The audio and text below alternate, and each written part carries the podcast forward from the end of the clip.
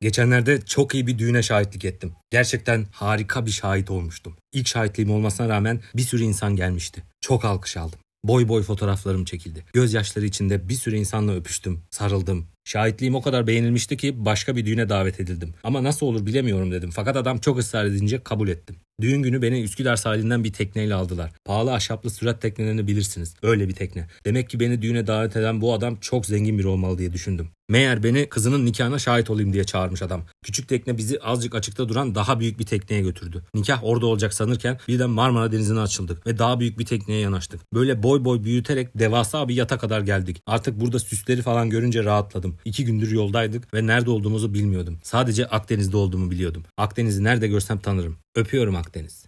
Teknenin orasına burasına bakarken düğün saati geldi çattı. Hayatımda hiç o kadar büyük yat görmemiştim. Kesin dedim bu bir Rus oligarkın falan olmalı. Şahitliğimi yaptıktan sonra teknenin derinliklerine dalıp verebildiğim kadar zarar veririm diye düşündüm. Bir sürede davetliler arasında gezdim. Herkes çok zengindi. Kimseyi tanımıyordum. Fakat nikah kıyılırken gözüme birden Emrah Safa Gürkan ilişti. Yok artık dedim. Kesin başkasının papyon bıyık kombinasyonunu Emrah Safa Gürkan sanıyorum diye geçirdim içimden. İkinci nikah şahitliğimi de başarıyla hallettim. İnanılmaz bir alkış koptu. Yani şahitliğim o kadar beğeniliyordu ki bunu yeni bir kariyer olarak düşünmeye başlayabilirdim neredeyse. Görevim artık bitmişti. Bundan sonrası sırf zengin eğlencesiydi. Canım delicesine şampanya istiyordu. Ekonomik kriz kendini en çok şampanyada gösteriyordu. Alamıyoruz. Elinde şampanya kadehleri taşıyan garsona doğru giderken birden Emrah Safa Gürkan'la çarpıştık. Gerçekten de oydu. Sayın hocam affedersiniz dedim.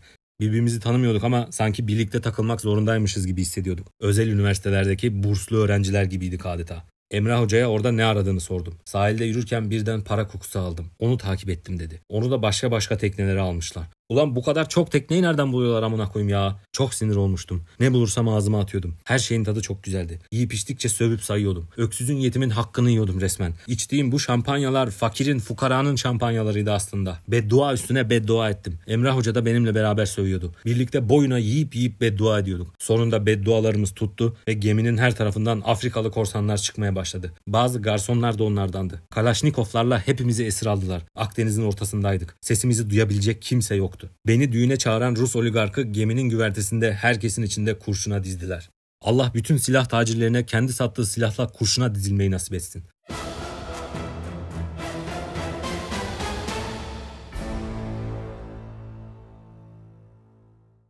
Korsanlar 5 dakika içinde 100 metreden uzun bir tekneye sahip olmuşlardı. Emrah Safa ile birbirimize kenetlenmiştik adeta. Teknedeki herkes zengindi. Özgürlüklerini satın alabilirlerdi. Ama bizim öyle bir şansımız yoktu. Hepimizi götürüp küçük küçük kameralara kapattılar. Ertesi gün korsan yatında köle olarak çalışmaya başladık. Bizi küreğe sürdüler. Hayvanlar gibi kürek çekmeye başladık. Emrah Hoca'ya sinirlenmiştim. Korsan korsan Akdeniz Akdeniz diye diye bunları üzerimize çekmişti. Milyar dolarlık yatta kürek çekip kırbaç yiyorduk. Emrah Safa Gürkan durmadan söyleniyordu. Kaptanın yaptığı hiçbir şeyi beğenmiyordu. Yok o gemiye öyle mi saldırılır? Yok o dalgaya böyle mi girilir? Emrah hocam susun diyorum. Yok. Bir gemiye saldırdığımız sırada kaptanın zıplayışını bile eleştirdi. Yok neymiş? Kaptan böyle zıplar mıymış? Bir koya gidiyoruz. Akdeniz'in bu yakası korsanlığa elverişli değil diyor. Ben de orada yerin dibine giriyorum. Hem de korkuyorum aynı zamanda. Atacaklar bizi gemiden diye düşünüyorum. Fakat sonra çok değişik bir şey oldu. Emrah Safa Gürkan'ın sözleri tabanda karşılık bulmaya başlamıştı. Tayfanın bir bölümü sessiz sakin bir şekilde Emrah Hoca'ya hak vermeye başladı. Hatta küçük bir kruz gemisine yaptığımız atakta Emrah Hoca'yı dinlemeyen kaptan yüzünden neredeyse inci gibi gemimizi kaybediyorduk. Kaptanın bu beceriksizliği tayfayı gerçekten de çığırından çıkarmıştı. Ben de alttan alttan hain planlarımı devreye sokmaya başlamıştım. Sonuçta kaptan devrilebilir bir karakterdi. Önce küçük şakalarla sonra gaz vermelerle tayfayı kaptana karşı ayaklanmaya ikna ettim. Yani dedim ben sizin yerinizde olsam ilkokul mezunu bir kaptan yerine korsanlıkta uzmanlaşmış bir tarih profesörünü tercih ederim. Sonuçta dedim geçmişini bilmeyen bugününü yarınını göremez. Tarih tekerrürden ibarettir dedim. Adam geçmişte yaşanan her şeyi biliyor. Başımıza gelecek tehlikeleri çok önceden görebilir bu adam dedim ya. Günlerdir doğru düzgün bir ganimet elde edemeyen tayfa profesörü duyunca hemen etkilendi. Emrah Safa Gürkan bu köylüden bozma barbar sürüsüne üniversite hastanesi konforu ve güveni bahşediyordu adeta. Çok heyecanlandılar. Hadi lan yürüyün o zaman dedim. Kaptanı indirmemiz bir buçuk dakika sürdü. Diğer 30 saniyede de oylama yapıp Emrah Safa Gürkan'ı gemimiz Çiburaşkan'ın kaptanı yaptık. Emrah Safa Gürkan kaptanlığa hemen alıştı. Tayfa da havaya girmişti. Gemi kısa bir sürede yeniden eski ihtişamına kavuştu. Emrah Hoca'yla Rusya'dan kaçmış oligarkların yatlarına saldırma kararı verdik. Satabildiğimiz yatları satacak, satamadığımızı yeni tayfalar bulup filomuzu genişletecektik. Tayfayı nereden bulacağız diye sordu Emrah Safa. Korsanlık öyle herkesin altından kalkabileceği bir şey değil dedi. Senin öğrencilerden ayarlarız dedim. Bunlar sonuçta kısa yoldan köşeyi dönmek isteyen bir nesil değil mi diye sordum. Hoca cevap vermeden uzaklara baktı. Benim çevremin çoğu reklamcı dedim. Olmazsa onlardan ayarlarım. Bunlar sonuçta insanları ipe yollamaya, çalmaya, çırpmaya alışkın insanlar diye düşündüm. Hele bir tane al yanaklı ajans başkanı vardı ki sormayın. Koy bir geminin başına, sal denize, anasını siker ortalığın. Kaydırmadığı ayak kalmaz. Kaptanın altından gemisini çeker. Tamam dedi Emrah Safa Gürkan. Olur bu iş.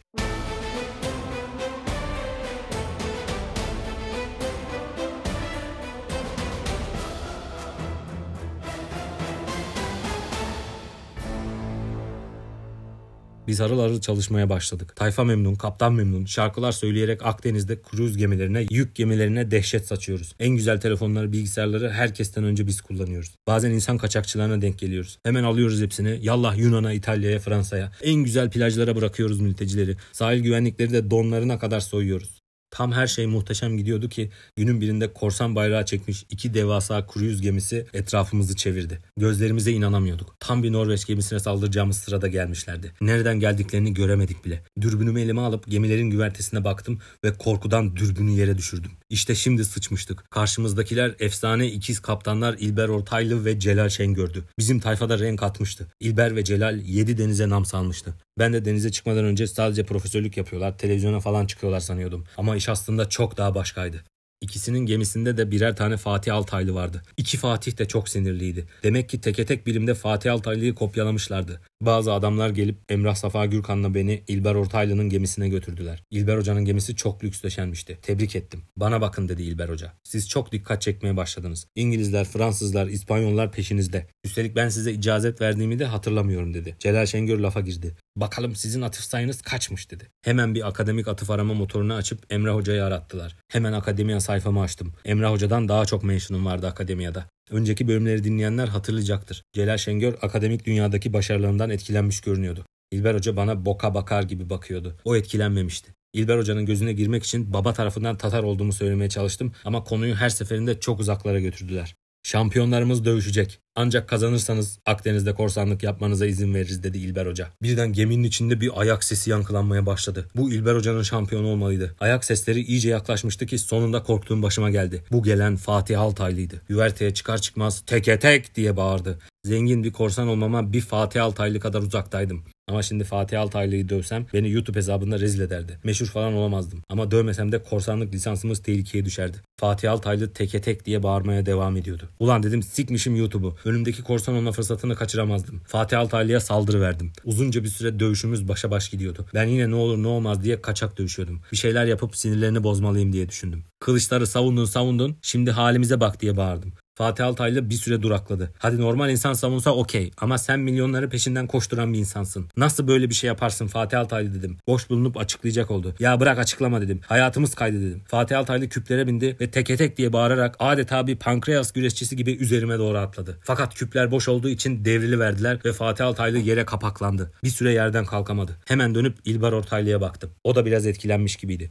Fısır fısır bir şey konuştular. Emre Hoca ile birlikte kararın açıklanmasını bekliyorduk. Korsanlığınızı onaylıyoruz. Ama geminin kaptanı Fırat olacak dedi Celal Şengör. Şok olmuştum. Hiç böyle bir niyetim yoktu ama Emrah Safa Gürkan'ın bunu anlayışla karşılayacağını düşündüm. Çünkü sonuçta korsanlığı bilen bir insandı. O yüzden hemen kabul ettim. Emrah Safa Gürkan anlayışla karşılamadı ve gemiye dönünce kavga çıkardı. Bir süre sonra da gemilerin ve tayfanın bir bölümünü alıp gitti. Sonra öğrendik ki kendi korsanlık ehliyetini de almış. Fakat sonra başına hepimizi tehlikeye atan bir olay gelmiş. Gizlice Vatikan arşivlerine girdiği bir sefer yakayı ele vermiş. Peşine düşmüşler. Canını zor kurtarmış ama çok sevdiği bir papyonunu bu kurtuluş yolunda kaybetmiş. Papyonu sonra en yetenekli terzilere götürmüş ama kimse tahmin edememiş. Emrah Safa Gürkan da sinirlenip İtalya limanlarını bombalamış. Ulan dedim 40 yılın başı elimize bir fırsat geçti. Onu da emperyalist güçler alacak. Aynısı üniversitedeyken de olmuştu. Belediyeden burs kazanmıştım 65 lira. CHP'nin itirazı yüzünden ikinci ay bütün belediye bursları kesilmişti.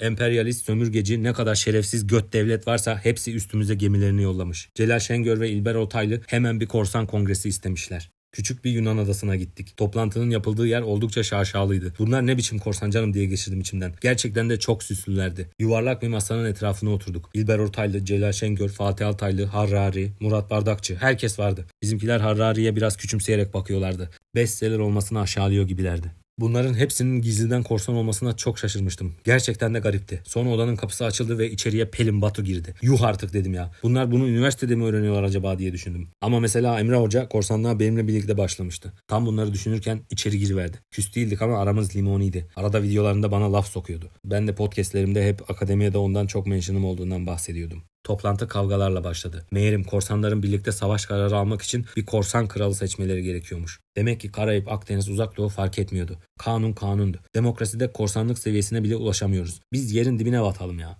Neyse kavga iyice kızışmıştı. Ben herkesi savaşmamaya ikna etmeye çalışıyordum. Bu delişmen tarihçileri ikna etmek çok kolay değildi. Ama sanki Pelin Batu bana hak veriyormuş gibi hissediyordum. Fakat kadını konuşturmadıkları için tam da anlayamıyordum. Sonunda oylamaya geçtik. Belli ki herkes kendine oy verecekti. Ben kendimle Pelin Batu arasında kalmıştım. Genelde kendimle Pelin Batu arasında kalınca daima Pelin Batu'yu seçerim. O yüzden bu sefer de öyle yaptım. Oyumu Pelin Batu'ya verdim ve bu müstesna insanı korsanlar kralı ilan ettim. Sonunda sesini duyabilecektik. Hadi dedim özgürce konuşun şimdi. Tam konuşacaktı ki peşi sıra top sesleri geldi. Saldırı altındaydık. Pelin Batu'nun dedikleri gürültü duyulmadı ve sanki savaş ilan etmiş gibi oldu. Herkes bir anda galeyana gelmişti. Murat Bardakçı'nın gemisi yoktu ama o da sanki bu tarihçi güruha dahilmiş gibi savaş naraları atıyordu.